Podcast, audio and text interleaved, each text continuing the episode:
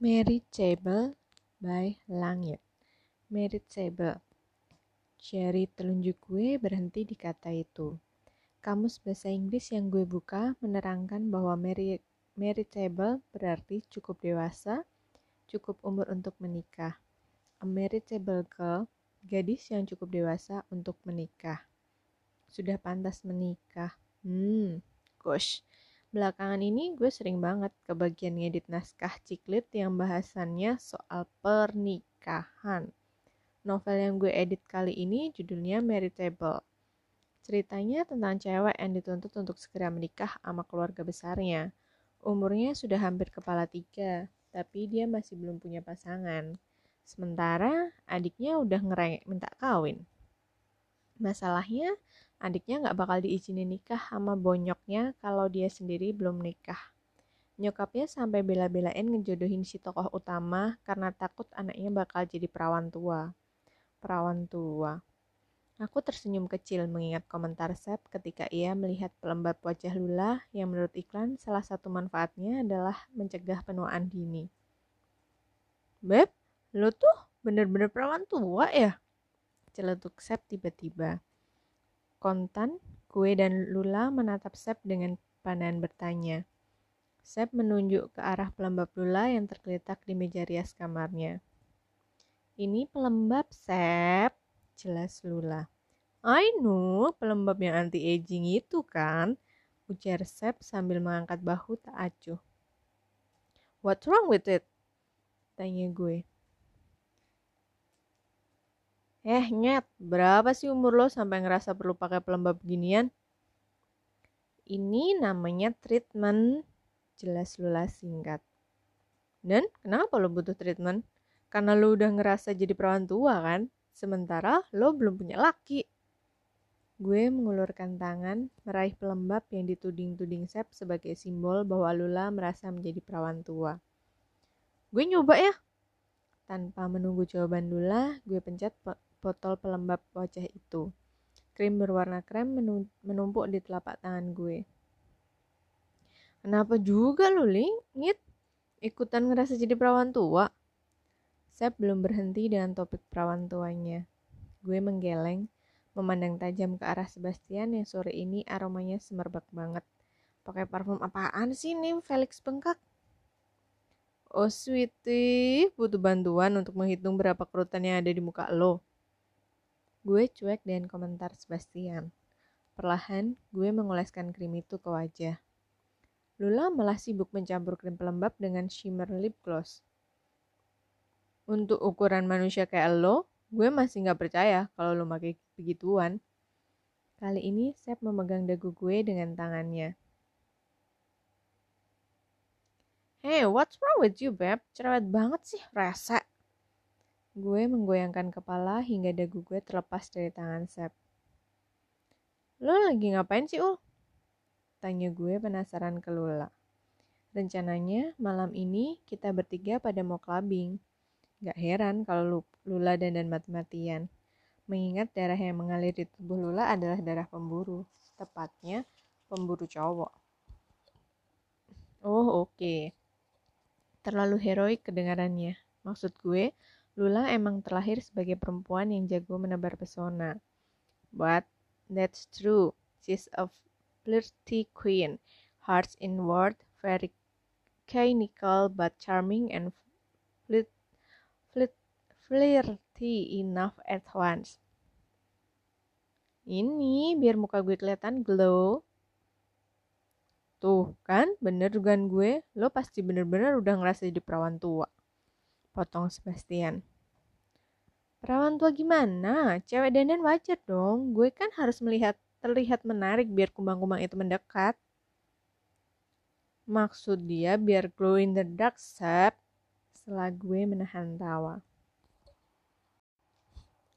Layar komputer gue tiba-tiba berkedut, menunjukkan bahwa ada gelombang di sekitarnya. Buru-buru gue melirik ke arah benda mungil yang tergeletak di dekat monitor. Handphone gue bergetar, layarnya menyala. What's? Pasti panggilan dari luar negeri. Halo? Jawab gue setelah menekan tombol bergambar gagang telepon berwarna hijau. Diam sesaat. Gak ada suara apa pun dari seberang sana.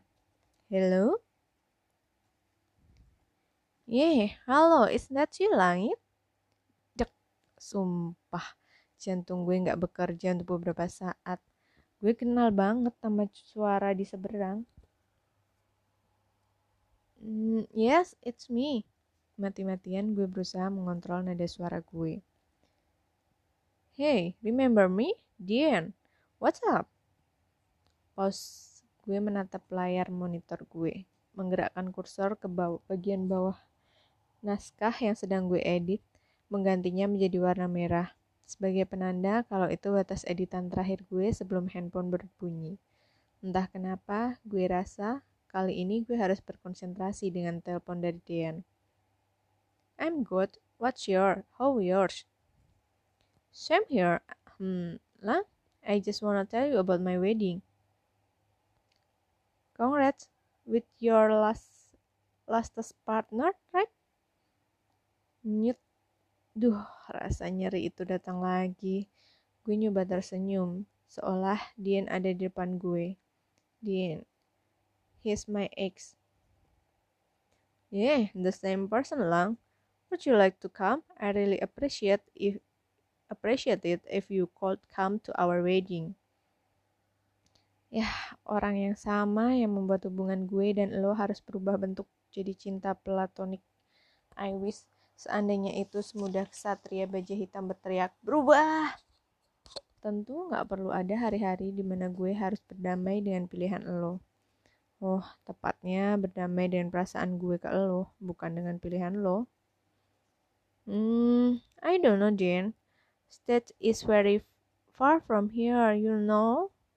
But I'm sure I'll be happy for you and your wedding. Finally, you decided Oh, really? I'm happy. Sure, 1000%, not doubt. Lang, just let me know if you were made up your mind. I will arrange your ticket as soon you confirm. You know you mean so much for me. I need you. I hope you could stand next to me when I saw my foe and tell me that I was right.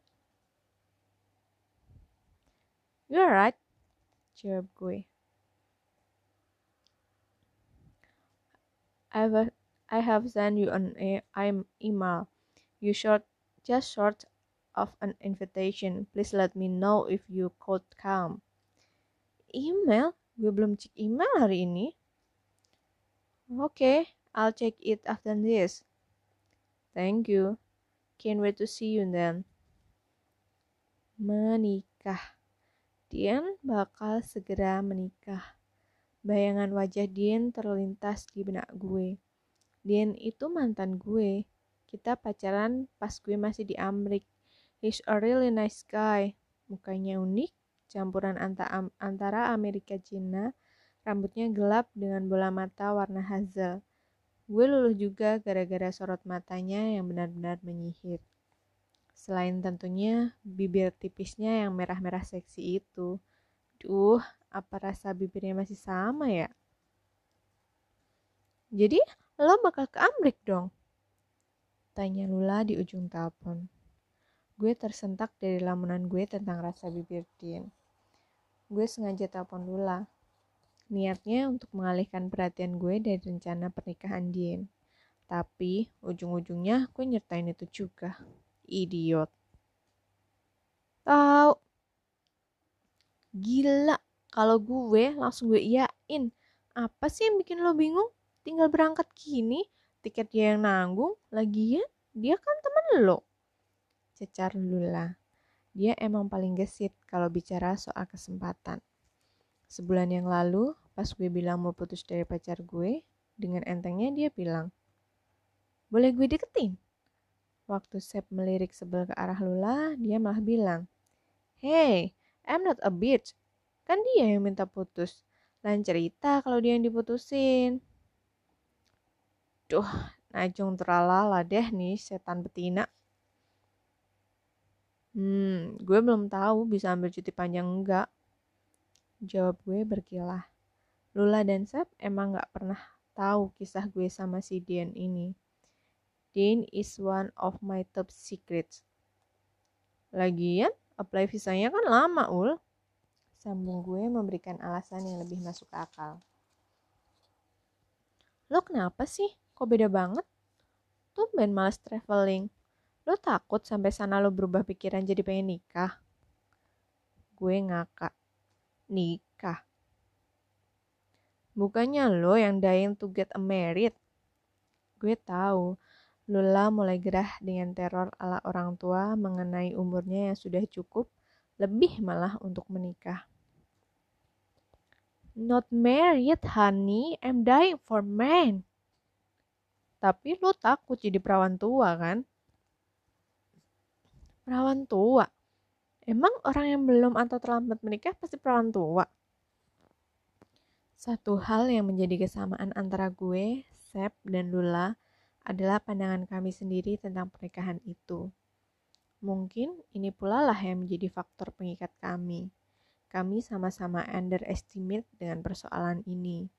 Gue, gue gak pernah percaya lembaga pernikahan. Gue bahkan gak habis pikir bagaimana jutaan orang di muka bumi ini memasukkan pernikahan dalam list resolusi hidup mereka. Sedari kecil, gue gak pernah berandai-andai menikah berjalan menuju altar gereja dengan gaun putih atau mengucapkan kalimat ijab kabul di depan penghulu atau sejuta prosesi pernikahan lainnya yang akan mengesahkan sepasang manusia sebagai suami istri. Enggak. Enggak sedikit pun hal itu pernah terlintas di benak gue. Gue enggak pernah bermimpi bakal grow old with someone. For better or worse, stand beside someone we call hubby. Nih, nih, nih I have no dream about that. Tapi sedari dulu gue ngebayangin bakal taking care of someone, watching she or he grow old. Yeah, gue pengen banget punya anak. Dan gue sudah nyiapin sebuah nama yang bebas gender, Ilalang. Lalu, Lula menghempaskan keinginan gue terhadap nama itu. I had her a lot. Gue dengan penuh keberanian telah mengproklamirkan diri di hadapan keluarga besar gue kalau gue nggak berniat menikah. Kakak gue ngakak, bokap gue belagak budak, sementara adik lelaki gue, Opai, bertingkah seperti burung kakak tua, kepalanya mengangguk-angguk. Kemudian senyap. Menikah itu berarti ibadah, kata bokap gue kemudian. Oh, Ternyata dia dengar. Gue manggut-manggut paham. Yeah, he is right. Merit is one of religion services. No doubt. Dan gue juga nggak pengen menyangkal hal itu. I know that completely. Kalaupun gue terpaksa nikah suatu hari kelak, alasannya tinggal itu. Atas nama agama, bukan yang lainnya. Tapi itu the last thing based on condition kalau gue nggak bisa nggak terpaksa harus nikah. Ini berlaku kalau sampai bokap gue meninggalkan surat wasiat di mana tertulis bahwa gue harus menikah kalau pengen dia beristirahat dengan tenang di alam lain. Hey, it could happen, right? Anggaplah itu ibadah gue sebagai anak.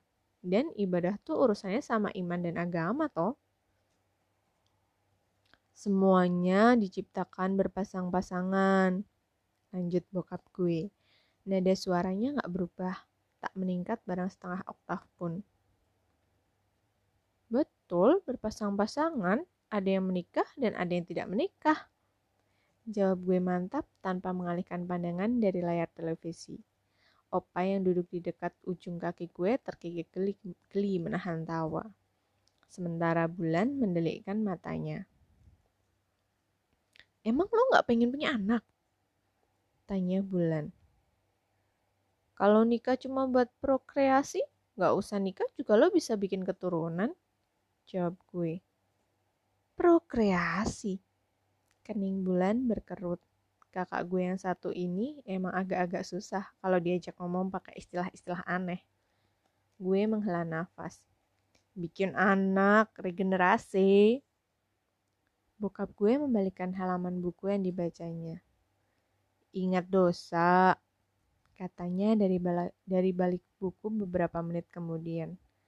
Ah, kalimat khas orang tua. Kalau orang menikah dengan alasan ibadah atau supaya punya keturunan, maka langit nggak menikah dengan kesadaran penuh, nggak kepengen nambah jumlah populasi manusia di muka bumi. Katanya pengen punya anak. Sambar bulan. Iya sih, mungkin adopsi gue mindahin channel televisi. Dan urusan dosa itu tanggung jawab langit sepenuhnya dengan Tuhan. Emang lo gak pengen hamil? Bulan tampaknya gak puas dengan jawaban gue. Hamil? Untuk punya anak harus hamil ya? Ah, kenapa sih anak selalu dikaitkan dengan pernikahan? Buat gue, nikah bukan sekedar masalah prokreasi. Nah, itu juga yang jadi pertanyaan gue sekarang untuk hamil, apa gue harus nikah dulu? Gimana kalau setelah nikah gue nggak bisa hamil? Gue jadi inget Tasya.